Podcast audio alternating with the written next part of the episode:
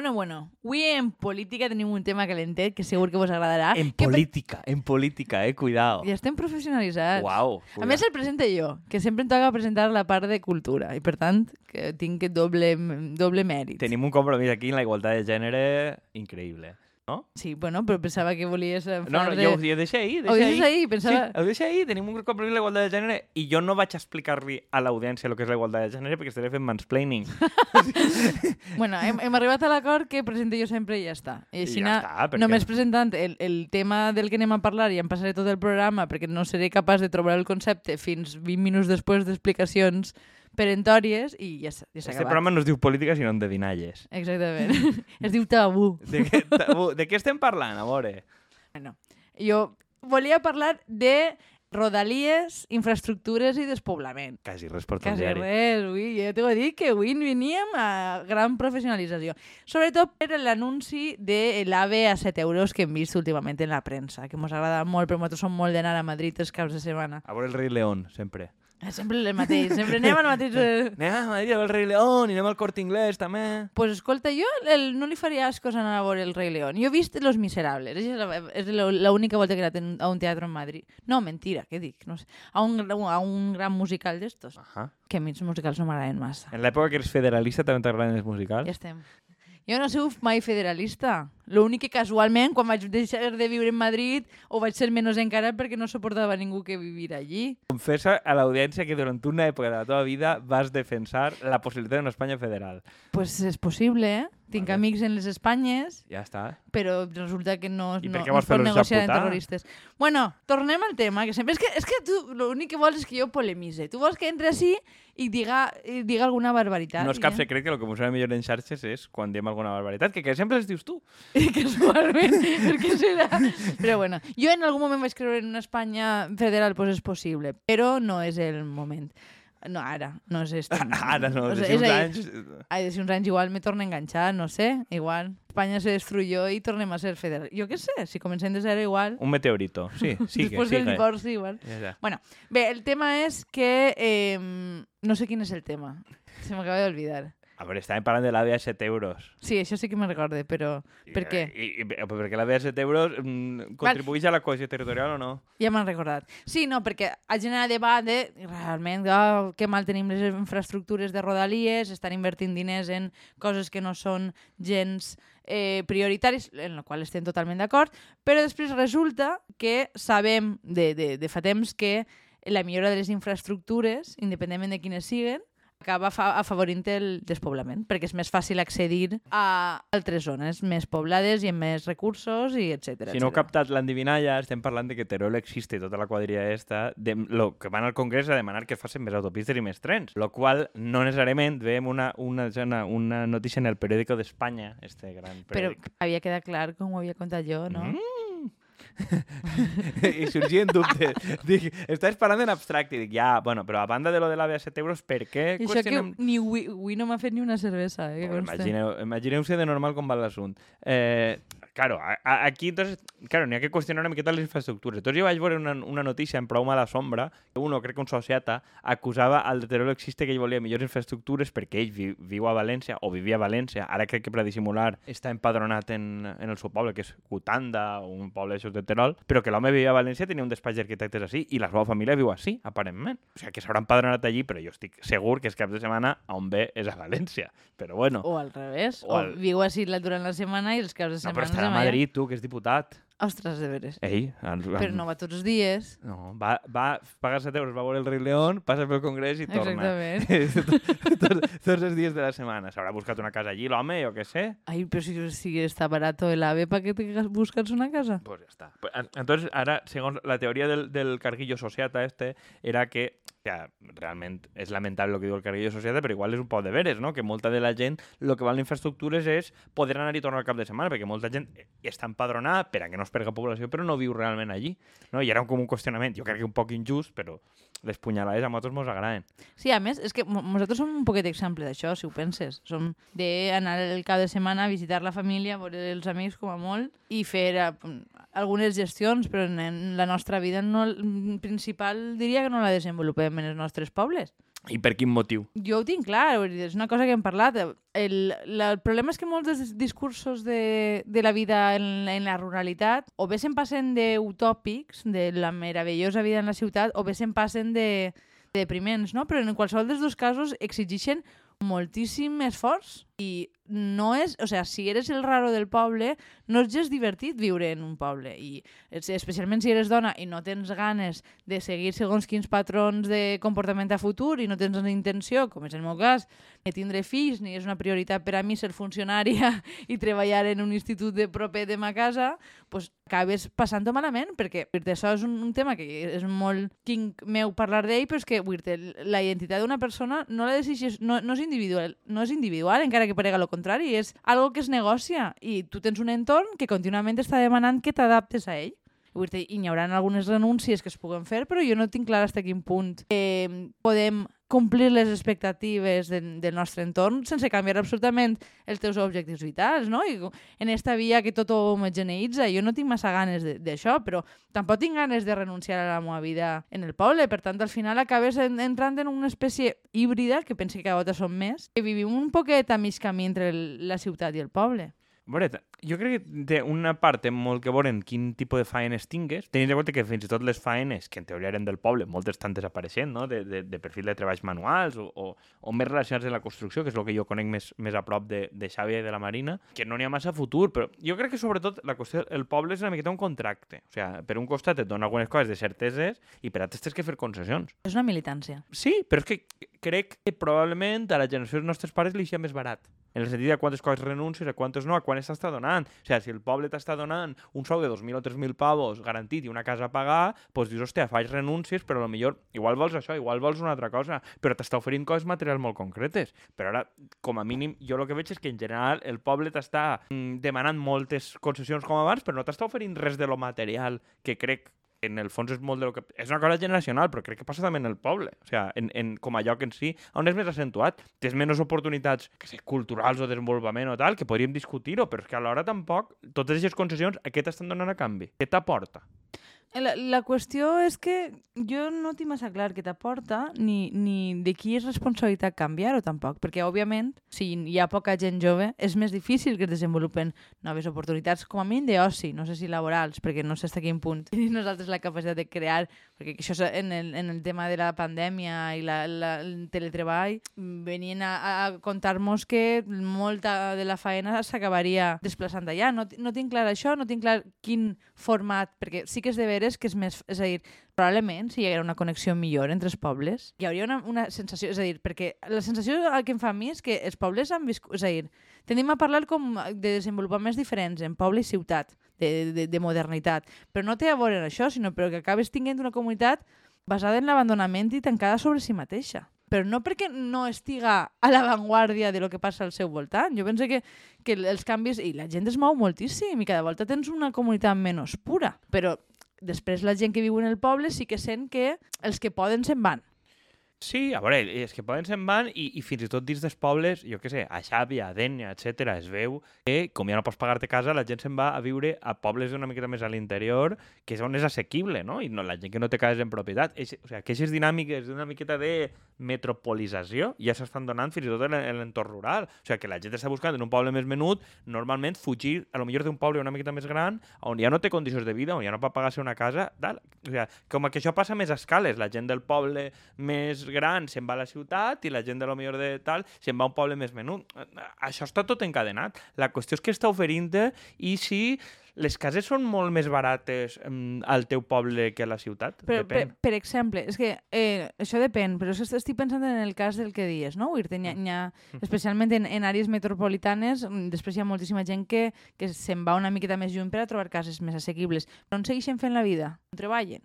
Perquè, per exemple, no sé, crec que era de 2010, un estudi de mobilitat que hi havia per a l'àrea metropolitana de València dient que dintre de la ciutat havia baixat molt l'ús del cotxe, però s'havia multiplicat en la mateixa proporció en l'àrea metropolitana. Aleshores, la gent segueix anant diàriament a la ciutat, segueix fent la vida allà, eh, l'únic que probablement no li compensa utilitzar el cotxe dins, però segueix fent aquest desplaçament contínuament. És a dir, és, és difícil desenvolupar completament la vida en un poble És que jo crec que la, la idea de poble ja s'ha tornat una miqueta una, una fantasia. Sí, estic totalment O d'acord. sigui, s'ha tornat una fantasia. El, el, un informe que n'hi havia sobre Barcelona dia coses molt paregudes, que és que el 50-60% de, la, de la gent, o sigui, que n'hi havia com nous pobladors que es movien a l'àrea de Barcelona, o sigui, ells tenen com un àmbit metropolità i un pla de quins pobles formen part segons el criteri de qui treballa en la ciutat, en l'àrea, que més del 50-60% en el període de 2010 o 2020 havien buscat casa en eh, que eren mm, pobles menors de 5.000 habitants, que realment la, la gran majoria no tenien transport públic. I acaben vivint en, pues, pues, en àrees suburbanes, tipus xalets o tal, agarraven el cotxe tots els dies, s'anaven a una estació de tren i les estacions de tren estaven creixent cada volta més en pàrquings immensos al voltant i, clar, al voltant de l'estació de tren ja no n'hi ha un poble, n'hi ha un pàrquing. Clar. I més enllà del pàrquing, clar, doncs què estàs incentivant? Eixa gent viu realment en un poble, tot i que visca bucòlicament? És que eh, és molt diferent això de viure en un xalet. No, és, és el mateix És concepte. a dir, si tu per anar a comprar te vas a una gran superfície, perquè és el que més còmode tens, has d'agafar el cotxe igual, te vas a treballar a la ciutat, és, és que, és, és, per exemple, hi ha molta gent que viu, per exemple, en la Serra de Madrid, això, que, que diu, venen a contar això com a problemàtic. Diu, la, hi ha molta més gent vivint així, però realment el poble està desapareixent igual. Perquè, bueno, ta- també, vull dir quin tipus de perfil de persona està triant aquesta vida, no? Que això és una, una de les coses que, que t'haurien- també haurien de plantejar. Aquí estan intentant atreure els pobles, perquè sempre és un perfil en molta capacitat econòmica que no té un interès real en integrar-se en la comunitat, sinó en viure una, un projecte vital tranquil, probablement en els seus fills, en certa separació... I No, no, a veure, no oblidem el, tot el rotllo del xalet de Pablo Iglesias i Irene Montero. En el fons era, bueno, uno, no? Perquè diem perquè estaven assetjant-los. Mira de lo que va tindre de, de crisi de comunicació. Perquè els assetjaven pel carrer en Madrid. Clar. Eixa una. I la segon, perquè volia inscriure els fills a una que és la millor escola pública de la Comunitat de Madrid, que és progre, que té projectes i tal, que és pública, no és concertada, i estaven a Galapagar. I van buscar una casa a Galapagar al costat perquè els xiquets es donen aquest col·le. O sigui, quina ha sigut l'elecció? Què n'hi ha de vida? Desconec si en Galapagar queda gent de tota la vida vivint. Sé que n'hi havia un torero que era d'allí. Però probablement deu haver gent que sigui tota la vida de Galapagar o de qualsevol puesto d'estos que que li han caigut els xaleteros damunt. Clar, però és que ells, fan, ells, ells han seguit fent vida en Madrid. Clar, evidentment. Dir, igual faran vida en l'AMPA, que, que, que no deixa de ser un lobby de pressió o un, un grup d'interès molt concret, però no, no vas a fer vida, no vas a comprar el pa al poble, per exemple. Però és que inclús si tu compres el pa i quatre coses, compres el pa, compres l'embotit i compres qu- quatre coses i ho dius, mm, jo què sé, romànticament, vale, fas aguantar el bar, quatre comerços tirats. Però el gros de la teva vida, les coses que estàs consumint, la cultura que fas, els amics que fas no són allí i la teva feina, des de luego, no és ahí. Entonces, quina escala de pasta estàs gastant tu ahí? Ni tan sols com a atracció, com a resident, és massa rentable. Eh, no ens enganyem, en, en el meu poble, per exemple, els, els bars, una gran part del negoci que tenen són dels estrangers anglesos que van vindre en el moment del boom de la, de la construcció, que són de bar diari i que es passen el dia en el bar. Vull dir no, no són de, de la gent com jo, per exemple, que puc anar a fer un cafè el cap de setmana o, o que vaig a comprar alguna coseta. Vull dir, no, no sóc jo el, el públic que manté tot lo de diari.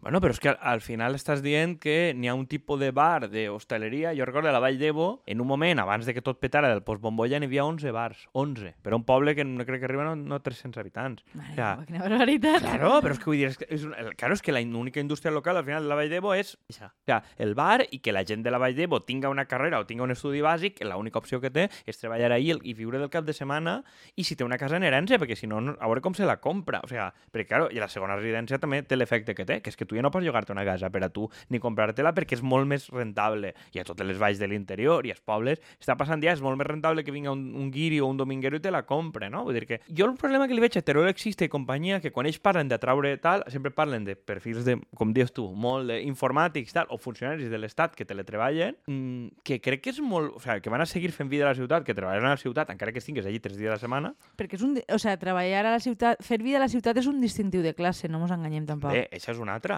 Però jo crec que també hi ha un component classista molt ahí, o sigui, ells no, no pensen en atraure grups religiosos, jo què sé, idealment musulmans, no ho vols saber, probablement una comunitat de musulmans que tinguin una mesquita en l'àmbit rural i visquen allà de puta mare treballen al camp i no demanen tanta pasta, dic, musulmans poden ser testimonis de Jehovà o qualsevol cosa d'estes. O sigui, eh, mira, tu, no, però és que tu això no ho vols. I és raonable que potser no ho vulguis perquè penses que va portar-te problemes, però que tampoc pensen en atraure mm, caixeres de supermercat o persones que potser diu estan cobrant 1.000 euros crien a criatures de forma molt precària a la ciutat i a lo millor ells va millor. Però és que també, o sigui, quan la gent moltes voltes parla d'atreure eh, a gent de fora, a què es dediquen aquestes persones? Quanta d'aquesta gent es dedica a coses d'arquitectura, de construcció, i per tant, a dir, crec que també és, hi ha un perfil de persona que està interessat, jo ho dic perquè en, en alguns llocs són reacis a, a comunitats noves, a gent que no coneixen. Tu vols probablement algú, una persona que, que siga funcionari, que no sé quantos i que tinga el seu xalet,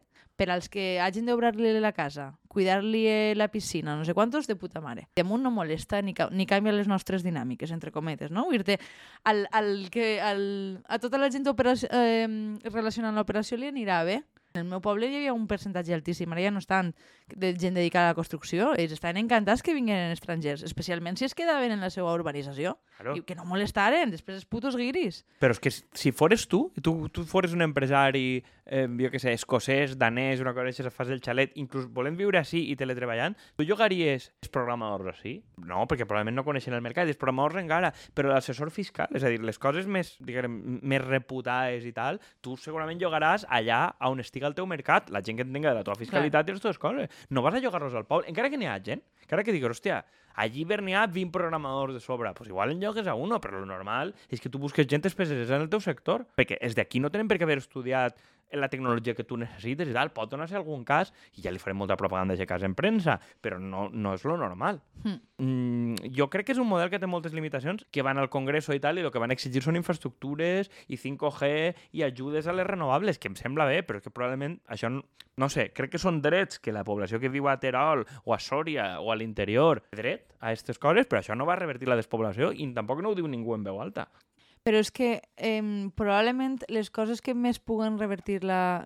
No sé si això... O sigui, probablement serà més el, el fet que la gent es cansa de treballar, com comentàvem l'altre dia, que busques un espai per a poder viure en una certa subsistència, que és un perfil de gent que, com, com diguem, no agrada. T'imagina que, pues, diguem, eh, una de les fantasies més punkis era d'anar a colonitzar un poble abandonat, no? Imagina que realment els punkis del món decideixen realment anar-se'n al poble. No crec que siguin especialment benvinguts. De fet, n'hi ha que dos o tres programes de televisió que van sobre gent d'esquerres que se'n va a un poble, com algo fora de lo comú i poc, poc acceptat, entre cometes. És que hi ha un tema poc popular, que si tu allí van el mateix tipus de persones de, diguem, baixos ingressos i poca capacitat econòmica, van a tractar-los de forma xenòfoba, de forma molt probable, perquè van a intentar furtar-los entre cometes llocs de treball. O sigui, ells volen gent que porta pasta i porta activitats noves, no gent que dispute el teu lloc de cambrer o el lloc tal, perquè si no vas a generar problemes, perquè, bueno, el, o sigui, encara que tu tragues població, si aquesta població no té feina o tal, el, el número de feines total, a veure, si venen molts hi haurà nous mercats, però probablement no venen 3.000 de colp per a generar nous mercats. Entonces, claro, aquesta gent va buscar una feina i li la va llevar, entre cometes, del poble. Què fan? Obriran un bar tots? Que serà generar més competència, també. Claro, que de generar més competència, un bar per a nous turistes que paga dos cambrers. O sigui, és que segurament això passarà, a veure, com el Ejido ahí en Almeria, que va haver els primers disturbis racistes que va haver, tal, que eren gent que estaven treballant als hivernacles i tal. O sigui, i era eh, com estaven quitando el treball a la gent d'Almeria, perquè eren pues, immigrants. O sigui, tu vols realment que vinguin immigrants? Va, va, a nosaltres mos sembla bé sobre el paper, però jo dubte que molts d'aquests llocs, que són comunitats tancades, homogènies i tal, els mm, caiga molt simpàtic que vinguin immigrants de fora i damunt si tenen una altra religió i un altre color de pell. Ja sabem el que sol passar. Jo crec que la retòrica de condueix això. Però no mos enganyem, a nosaltres mos passa en la llengua. És a dir, mos resulta, a mi em resulta conflictiu que en el meu poble n'hi hagi tants estrangers i que no sàpiguen parlar valencià. Sí. És que a ells no els fa falta. Claro. Però a, a mi sí que em- me resulta... Canvia moltíssim l'estructura del poble, que Clar. la llengua vehicular no siga el valencià. Sí. Pues no deixa de passar també en, el, en altres factors. Sí, sí, sí, i fins i tot els passa si són sud-americans que en zones, diguem, castellanoparlants i tal, que sí que es poden entendre en ells, resulta que ara són evangèlics i porten altre tipus de dinàmiques. Clar. Mm, Tenim este problema. Bueno, al final s'hem quedat un programa de todo mal, però és veritat. No era la intenció, eh? Jo, jo, jo penso que probablement... És, eh, crec que aspirem a eh, solucions una miqueta més puri, menys puristes. Que, per- ojalà... Que, crec que al final acabarem tendint a molta més gent que, però igual en comptes d'estar el cap de setmana estàs 4 o 5 dies. I, però no crec, és a dir, no crec que puguem defensar la vida total en el poble perquè nosaltres no ens la creiem. I No. haver sigut una miqueta...